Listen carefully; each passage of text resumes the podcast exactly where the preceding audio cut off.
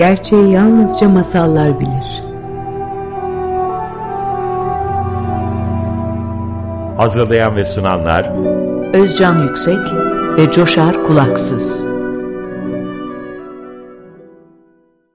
Özcan abi merhaba. Merhaba Coşar. Nasılsın? İyiyim sen nasılsın? Ben deyim çok teşekkürler. Bu hafta Binbir Gece masallarının belki de en destansı, en epik, masalla destanın belki işçi girdiği, geçişlerinin çok fazla olduğu ve en uzun, blok haldeki en uzun ve üçüncü kitabın tamamını ne diyeyim oluşturan masaldan bahsedeceğiz. Masalımızın adı da Şah Ömerun, Ömerun Neman ve Şaşırtıcı Güzellikteki iki oğlu. Şarkan ve Davul Mekan'ın öyküsü. Bu masal da aslında altını çizmek istediğimiz bir ana kavram var. Ana kavramımız da adalet. Ama içerlerde tabii çok fazla, e, yani bu masanın içinde çok fazla alt e, şey de var. Alt e, mesaj da var. Bu masalın en güzel taraflarından bir tanesi aslında Türkiye, İstanbul, bu coğrafya, Anadolu, İstanbul'un fethine kadar uzanabilecek destansı bir anlatımının olması ve olayların iç içe girift olarak e, burada bize anlatılıyor olması. Şimdi bizim masalımız Büyük Şah, Büyük Hükümdar Ömer, Ömer'in Neman'la başlıyor. Bağdat'ın büyük hükümdarı. Bağdat bu arada e, dinleyicilere şunu hatırlatmak istiyorum. 21. 20. yüzyılda ve 21. yüzyılda Bağdat diye aklımıza gelen şehir neyse Binbir Gece masalları ve Orta Çağ'da ve daha öncesinde tam tersi. Yani o da nedir? E, barış kenti. Hep sürekli barış, e, bilim, bilim kenti. O yüzden hani bu algının da aslında bir gün umarım düzelmesini e, sağlarız. Böyle bir Binbir Gece masalları aracılığıyla da aslında Bağdat'ın çok önemli bir şehir olduğunu, böyle itilip kakılan e, bir yer değil. Gerçekten dünya ilimine, bilimine, kültürüne, barışına e, çok katkıda bulunmuş bir şehir aslında. Şimdi e, masalımızda Ömer'in şöyle bir özelliğinden bahsediliyor. 360 tane odası var. Yani 360 günü. 360 Doyum. günü temsil eden ve 360 tane cariyesi var. Evet. Yani 360... doyumsuz. Doyumsuzluk. Bu işin Gözü, sonu yok. Evet, evet. Zaten bu doyumsuzluğun bizim... Gözü yara... doymayan, göz, daha doğrusu gözü doymayan.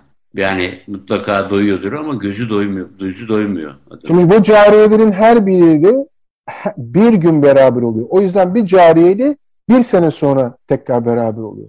Evet. Ve böylece adalet dağıttığını düşünüyor. Çünkü her cariyesiyle en azından bir senede bir gün beraber oluyor ve bu da masalda belirtiliyor. Diyor ki adil oluyor çünkü senede bir kez de olsa onunla beraber oluyor o cariyeli. 360 tane carisi. Bunlar da e, zamanı böyle ölçüyor. Yani adam için o ev sahibi için zaman böyle. Yani takvim yaprağını böyle cariyeler de bir tane takvim yaprağını koparıyor, bir tane takvim yaprağını koparıyor. Ama kim bilir nasıl bitecek öykü. Şimdi bir de Safiye adlı e, gözdesi var. Safiye aslında Konstantiniye diye bahsedilen ve bizim Bizans olarak düşünebileceğimiz ve tabii ki de İstanbul, İstanbul, Konstantiniye'den getirilmiş bir aslında köle cariye ama sonra masalda anlıyoruz ki şimdi ben bunların detaylarına bu hafta çok giremeyebilirim. Lütfen kusuruma bakmasan çünkü senin daha fazla konuşman gereken bir durum var. E, her zamanki gibi tabii. E, aslında sonra meydana çıkıyor ki Safiye, bu Konstantiniye'den gelen köle aslında kralın kızı. Ve kralın kızı olduğunu da hiçbir zaman Ömer'e söylemiyor. Çok sonradan bundan bahsedecek. E, oralara kadar gelebilecek miyiz bilmiyorum. Sonuç olarak Safiye'den e, yani bir, bu bir cariyesinden Şarkan diye yani Safiye'den değil başka bir gözdesinden Şarkan diye bir oğlu oluyor. Şarkan ismi e, eski Altay Türk ismi ve ilk defa Demir Gece masallarında Türk tanımının yapıldığı ve Türk cisimlerin geçirdiği ilk masal yani ilk masal bu daha sonra yine geçiyor ama e, ve Şarkan aslında çok bilgi bir çocuk çok e, yetenekli ve babasından sonra da hükümdar olunması kesin gözüyle bakılan bir e, şehzade. E, ama tabii ki e, bizim asıl şahımız Ömer Safiye'den çok e, çocukların olmasını istiyor ve sonuçta e, hamile kalıyor. Çünkü genelde bu cariyelerin hiçbiri hamile kalmıyor. Tuhaf bir durum var. Safiye'den çocukları oluyor ve Safiye'den olan çocukları ilk başta doğan Nüshetü, Nüshetü zaman doğuyor. Bunun adını bir kız çocuğu doğuyor. Ve e, Şarkan aslında rahatlıyor. Çünkü bir kız olduğu için, bir kız kardeşi olduğu için. Çünkü aslında imparatorluğu paylaşmak istemiyor e, bir erkek e, kardeşle. Ve biz hemen bir sefere çıkıyor sevinçle. Ama o sırada birkaç saat sonra birdenbire yeniden sancısı tutuyor Safiye'nin. Ve bir ikiz olduğu fark ediliyor ve Davul Mekan adını verecekleri yani yörenin ışığı demek, mekanın ışığı denecek. Bunun neden öyle dendiğini masa içinde sonra anlayacağız. Bir erkek kardeş mi e, e, e, hayata geliyor. Şimdi e, bu hikayenin içerisinde Şarkan'ın ilk başta hikayesi çok enteresan. Çünkü Şarkan işte seferlere çıkacak vesaire. Bu sırada e, Kayseriye diye adlandırılan Anadolu belki Anadolu Rum İmparatorluğu de düşünebiliriz. Kayseri'ye yani bugünkü Kayseri'den bahsediliyor. Kayseri'nin daha sonra öğreneceğimiz üzere e, kızı, Kayseri kralının kızı Ebrize ile olan bir e, karşılaşması var şarkının. Bu Ebrize e, karşılaşmasında şöyle bir sahneyi anlatmak istiyorum. 10 tane genç kız var. İlk başta bu e, uzaktan yine bir ağacın tepesinden izliyor e, Şarkan bu sahneyi. Bir kız e, yani bir, bir, kadınlardan oluşan 10 kişilik bir topluluk var. Bunun da ortasında Ebrize var. E, bunlar böyle güreşiyorlar. Bir, bir güreş sahnesi var. Ondan sonra bir yaşlı kadın geliyor. Bunu Şarkan izliyor bu sahneleri tabii uzaktan. Bu yaşlı kadın çok çirkin. Ve diyor ki sen diyor bu gençlerle savaşacağına gel de benimle güreş diyor. Ve e, ya diyor lanet olası kadın diyor. Felaketler anası diyor buna. Sen diyor e, ne istiyorsun? Niye belanı arıyorsun? E, hayır diyor gel diyor benimle dövüş diyor. Cesaretin varsa. Ama diyor soyunacağız diyor. Ve anadan doğma soyunuyorlar. Ve çıplak bir güreş var. Tabi bunu yeni, yeneni Ebrize yani genç e, kadın oluyor. E, ben şöyle özetlemek istiyorum masalı zamanımızı iyi değerlendirmek için. Sonuç olarak başlarından geçen birçok şeyden sonra Şarkan aşık olma, olduğu halde Ebrize'yi tarihsiz bir şekilde babasına vermek zorunda kalıyor. Cariye gibi. Ve babası ona Ömer tecavüz ediyor. Onu bayıltarak. Ona sahip olmak istiyor. Kendisini tutamıyor. Ve hamile kaldığı için kaçmak zorunda kalıyor Ebrize. E, Şarkan ve işte Bağdat'tan. Kaçarken de bir köle ona yardım edeceği düşünürken köle ona tecavüz etmek e, isterken karşı çıktığı için onu öldürüyor. Ve Ebrize'nin hikayesi öyle bitiyor. Bundan sonra tabii olan hikayeler daha da tuhaf.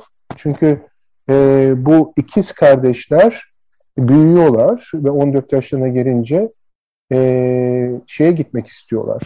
E, bir e, Kudüs vesaire kutsal toprakları Mekke, Medine babası izin vermiyor. O, ona rağmen gidiyorlar vesaire. Sonuç olarak bu yolculukları sırasında çok zor duruma düşüyorlar, yoksul oluyorlar vesaire, birbirlerinden ayrı kalıyorlar. Ve işin tuhaf tarafı tabii çok büyüdükleri için ve e, Şarkan da bu arada çok önceden Bağdat'ı terk etti ve Şam'a gittiği için dayanamadığından dolayı o e, çektiği acılara e, tuhaf bir şekilde talihin oyunuyla kız kardeşiyle beraber oluyor ve bir çocuk yapıyorlar.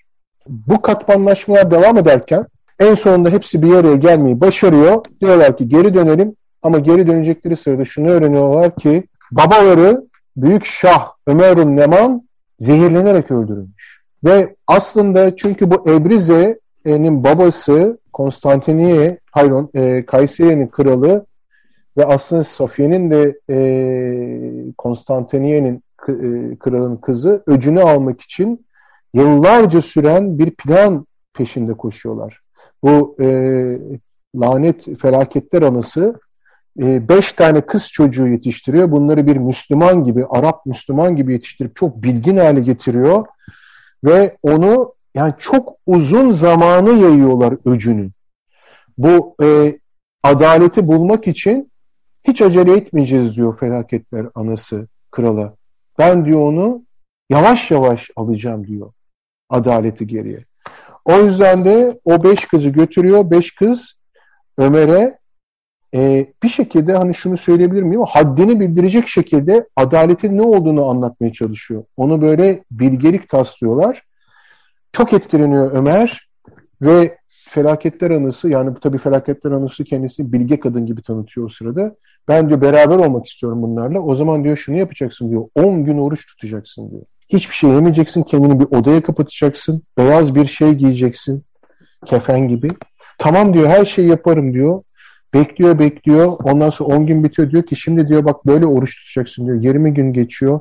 Bir 10 gün daha geçiyor.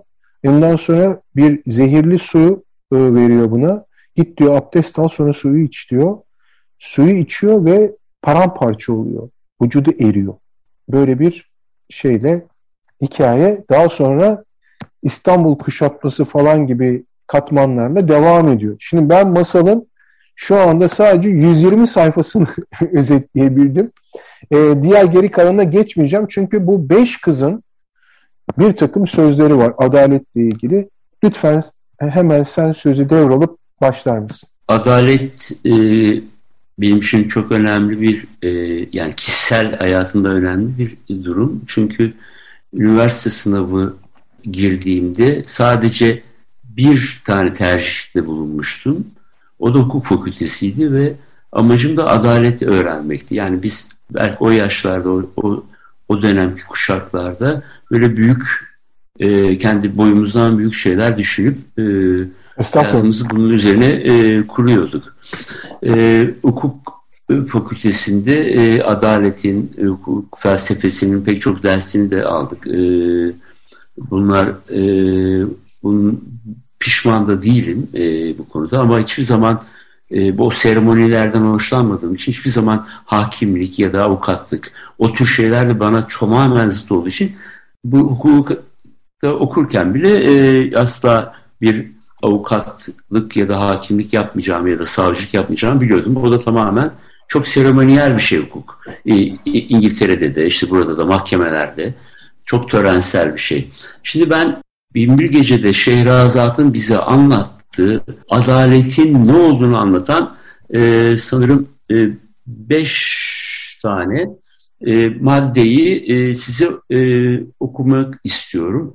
Bunu daha sonra e, sosyal medyada da tek tek yazı olarak paylaşacağım ve belki de bunu e, herkes odasına alsın ya da ofisine alsın istiyorum. Çünkü çok etkileyici. O zaman dinleyiciler not alsın bunu bence. Evet not alın e, iyi olur. Birkaç gün sonra da, da paylaşmış olacağız. Ben şimdi e, okuyorum. Bir, e, yavaş yavaş okuyacağım çünkü çok derinlikli ve anlamlı ve Şehrazat bunları bize e, söylüyor. Çünkü adalet görevlerin birincisidir ve haksız bulunmuş olan hakkında yeniden adalete yönelmek her zaman adil hareket etmiş olmaktan daha soyludur. İki, ve yine unutulmamalıdır ki Yüce Tanrı sadece açıkça belirgin hususlar bakımından karar almaları için yargıçlara yer vermiştir. Gizli şeyler hakkında hüküm vermeyi kendine saklamıştır. İsterseniz tekrar okuyayım ikiyi. İkiyi bir daha okuyorum. Ve yine unutulmamalıdır ki Yüce Tanrı sadece açıkça belirgin hususlar bakımından karar almaları için yargıçlara yer vermiştir. Gizli şeyler hakkında hüküm vermeyi kendine saklamıştır. 3. Bir suçluyu işkenceye ve açlığa tabi tutarak itiraf ettirme yolunda asla başvurmamak bir kadının mutlak görevidir. 4. Ve zaten ezzahiri bir kadı üç şeye tenezzül etmemelidir der. Yüksek tabakadan bir suçluya karşı alçak gönüllü ve saygılı davranmak, övülmeyi sevmek ve makamının yitirmekten korkmak demiştir. 5. Ve Halife Ömer'in görevden uzaklaştırdığı bir kadı ona beni niçin görevden affettin diye sorunca Halife Ömer çünkü sözlerin eylemlerini aşıyor diye yanıt verir. Son olarak her şey adalete uygun gelişir. daha doğrusu gelişmelidir. Bir kez adaletsizlik meydana gelmişse eğer adalet olan, adalet adaletsiz olan adaletle cezalandırılır. Tıpkı Şehzade ile Gülyabani öyküsünde olduğu gibi. Bu kadar arkadaşlar. Bugün günümüzde hem yaşadığımız ülkede hem de dünyada hem insanlara e, ilişkin hem e, hayvanlara, doğaya ilişkin ürkütücü bir adaletsiz yaşanıyor. Şehrazat'ın adaletin ne olduğunu anlatan, e, madde madde anlatan bu sözlerin önemli olduğunu düşünüyorum ve sizi de, size yazılı olarak da paylaşacağımı söyleyeyim. Yani şöyle bir şey, herhalde adaletle ilgili söylenebilecek en özlü şeyleri Şehrazat bize masallarda aktarmış. Bu okuduklarından e, sanırım yanılmıyorsam dördü zaten bu masalda bu beş genç kızın Ömer'e vermiş olduğu öğütler içindeydi. E, bir tanesi de başka bir yerdendi. Ama yani senin yani bence zaten e, insanlar genel olarak iki şey peşinde koşuyorlar Özcan abi. Burada ben biraz masal dışına kaçacağım ama zaten masallar da bize bunu anlatmaya çalıştığını düşündüğüm için. Birincisi adalet. Her insan bence adalet istiyor. Ve her insan bir anlam arıyor. Şimdi adaleti hukukla sağlamaya çalışıyoruz. Ama başaramıyoruz. Yüzyıllardır, binlerce yıldır. Anlam içsinse bence en güzel şeyi kullanıyoruz. Sanat. Ve sanat maalesef spekülatif olduğu zaman da o anlamı yitirtiyor. Şimdi bence Binbir Gece masallarının en güzel özelliği adaletin aslında dışarıdaki bir hukuk değil, insanın kendi gönlündeki bir şey olduğunu vurgulaması hep, her zaman. Erdem diyoruz zaten ilk masaldan beri bunu söylüyoruz. Yani e, bir insanın e, erdemli olması, neden yaşıyoruzu sorgulaması zaten otomatik olarak adalet getireceğini düşündürtüyor Şehrazat bize. O yüzden de Ömer'e verilen ceza aslında sen bunları yazıyorsun ama sen kendi kafana göre yazamazsın. Erdemden uzaklaştığın anda gidip birisine tecavüz edersen ve ben kuvvetliyim, ben e, kudretliyim diye bunu da yapabileceğini düşünürsen onun adaleti de bu dünyada başka türlü sağlanır. Bundan kaçamazsın diye yani masalda bir şey anlatıyor. Şimdi senin söylediklerine bir de e, ben e, burada çok güzel bir şey vardı. Üç konu üstüne değişler var. Katmanlar katmanlar içinde biliyorsun bu masal acayip katmanlı. E, böyle e, Nusret zaman e, kız kardeş yakalandığı zaman onu birisine satmaya çalışıyor. O satmaya çalıştıkları kişi de aslında abisi. Hani anlatmıştım ya beraber olacaklar. Evet. O sırada bunu sınıyorlar. O da diyor ki ben birkaç örnek vereceğim. Benim bilgeliğimi sınıyorsanız. Bakın diyor. E, Halife Abdülmelik bin Mervan bir yolladığı mektupta şunu der diyor. Danışmanlarının ve katiplerin söylediklerine kulak, kulak asmayabilirsin. Çünkü onlar sana zaten bildiğin şeyleri anlatacaklardır. Ama düşmanın sana ordunun gerçek kuvvetini öğretecek tek kaynak olacağı için onu asla savsaklama. Burada da şunu düşünüyorum. Ne dersin? Sana gerçeği çoğu zaman dostun değil düşmanın söylüyor. Evet, evet. O yüzden de bu masalda da aslında düşmanına saygıdan da bahsediliyor. Ne dersin? Buna ne dersin? Evet, evet tabii. Diyalektik seviyor Şehrazat. Ee, öyle anlatmak da hoşuna gidiyor. Yani aslında orada e, hepsi sen olabilirsin. Adaleti yok eden de sen olabilirsin. Herkes adaleti korumak da gerekiyor. Korumadığın için de adaleti yok etmiş oluyorsun. Yani korunması gereken bir şey. E, tıpkı bir ağacı nasıl koruyorsan, bir çocuğu nasıl koruyorsan. Sen bir öznesin. Sen yapmadığın zaman da e, bir yapmama eylemi yapıyorsun. Korumama eylemi yapıyorsun. E, seyirci değilsin. Yani sen seyir, dünyaya seyirci olarak gelmedin. Çünkü dünyadan da yararlanıyorsun. Dolayısıyla o dünyanın, doğanın, doğadan anlatıyorsun ama çok bütün, her alan için geçerli. E, bunu da bize anlatıyor. Yoksa bugüne kadar bu masallar gelmezdi. Bu adaletle ilgili zaten senin söylediğin şeyi destekleyecek bir şey söylemek istiyorum. Masalda sürekli aslında şu bize e, iç sıkıntı yarattırtılıyor bir şekilde. Adaletsizliğe göz yumulma.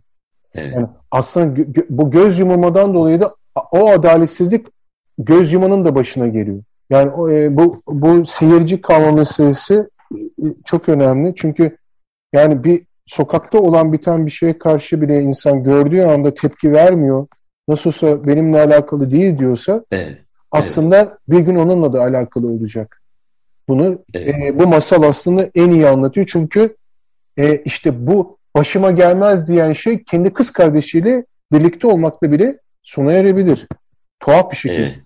Çünkü bu bundan bundan insan uzaklaştığı zaman Aslında kendi kendi kendine tecavüz ediyorsun. anlamına kendisine tecavüz, Yani aslında kendi nesline, kendi e, kendi e, soyuna, yani kendi canlılığına ihanet ediyorsun anlamına göre. Bunları özellikle vurgulamış olmasının nedeni de bu. Yani şu anda yaşadığımız korona da bunun gibi bir şey. Yani doğaya ihanet ettiğin zaman o aslında kendine tecavüz etmiş oluyorsun. aynen. Bu masal Ee, bunu bunu çok güzel vurguluyor. anlatırken senin hoşuna gidecek bir e, şiir buldum. Sen bir ge- sen bir gezginsin çünkü ve bunu okurken e, yüzümde bir tebessüm oluşarak bunu okursam Özcan abiye hoşuna gider diye düşündüm. İzninle son bir Teşekkür iki ederim. dakikamızda da bu şiiri okuyarak sona erdireyim. Senin yorumunu alayım. Tamam. Şimdi bu şiiri e, bizim diğer ikiz çocuklardan biri olan erkek çocuk e, okuyor kendi kendisini. Çünkü kız kardeşini kaybediyor. E, çünkü Evet. çok sefil düşüyorlar. Babalarından kaçarak izin almadan gittikleri serüven sonucunda çok sefil hale düşerince birbirlerini de kaybediyorlar. Şöyle bir şiir okuyor. Dünyadan ve yaşamdan yararlanmaya bak. Çünkü dünya kalsa da yaşam kalmıyor. Yaşamı sev. Yaşamdan yararlan. Mutluluk bir zaman için vardır. Acele et. Ve düşün ki geriye kalan hiçtir. Çünkü geriye kalan hiçlikten başka bir şey değildir. Çünkü yaşamda aşkın dışında yeryüzünde boşluktan ve ıssızlıktan başka hiçbir şey yoktur. Çünkü dünya gezgin atlının konuk evi gibidir. Dostum, yeryüzünün atlı gezgini ol sen de. Çok güzel söylemiş. Çok güzel. O yüzden de hepimiz gezginiz. Hepimiz e, vaktimizin değerini bilmemiz gerekiyor. Ve tekrar tabi bu masalı okudukça şunu görüyoruz. Erdem, anlam, adalet bunlar çok önemli. Bunlar hep sen söylediğin gibi lüks değil. Bunları böyle hani masallar anlatıyor, masalımsı şekilde birbirimize anlatıyor değil. Bunlar özümseyerek, içselleşerek yaşamamız gerekiyor. Zaten ben bu dizilerde bunu hissettim. Hani bunu kitabı okuma sadece, düşünme, yaşa. Bu dizeleri yaşa, bu duyguları yaşayarak ilerle. Bir gezgin ol dünyada. Ve böyle bitirmek istiyorum izninle. Son söylemek istediğim bir şey varsa yarım dakikamız var. Ya umarım işte bu konuştuklarımız belki yazıya da dökülür. Ee, Yani insanlar bunu sadece video olarak da izlemez de kitaptan da okur diye düşünüyorum. Yani Yapacağız e, inşallah. yazı önemli bir şey. Önemli Evet. bir şey. Özlem Gerçek. abi, o zaman e, bu haftalık da kapatalım programı. Gelecek hafta ya bu masalın diğer katmanları ya da başka masallarla tekrar beraber olacağız. Herkese hoşçakalın diyoruz. Hoşçakalın.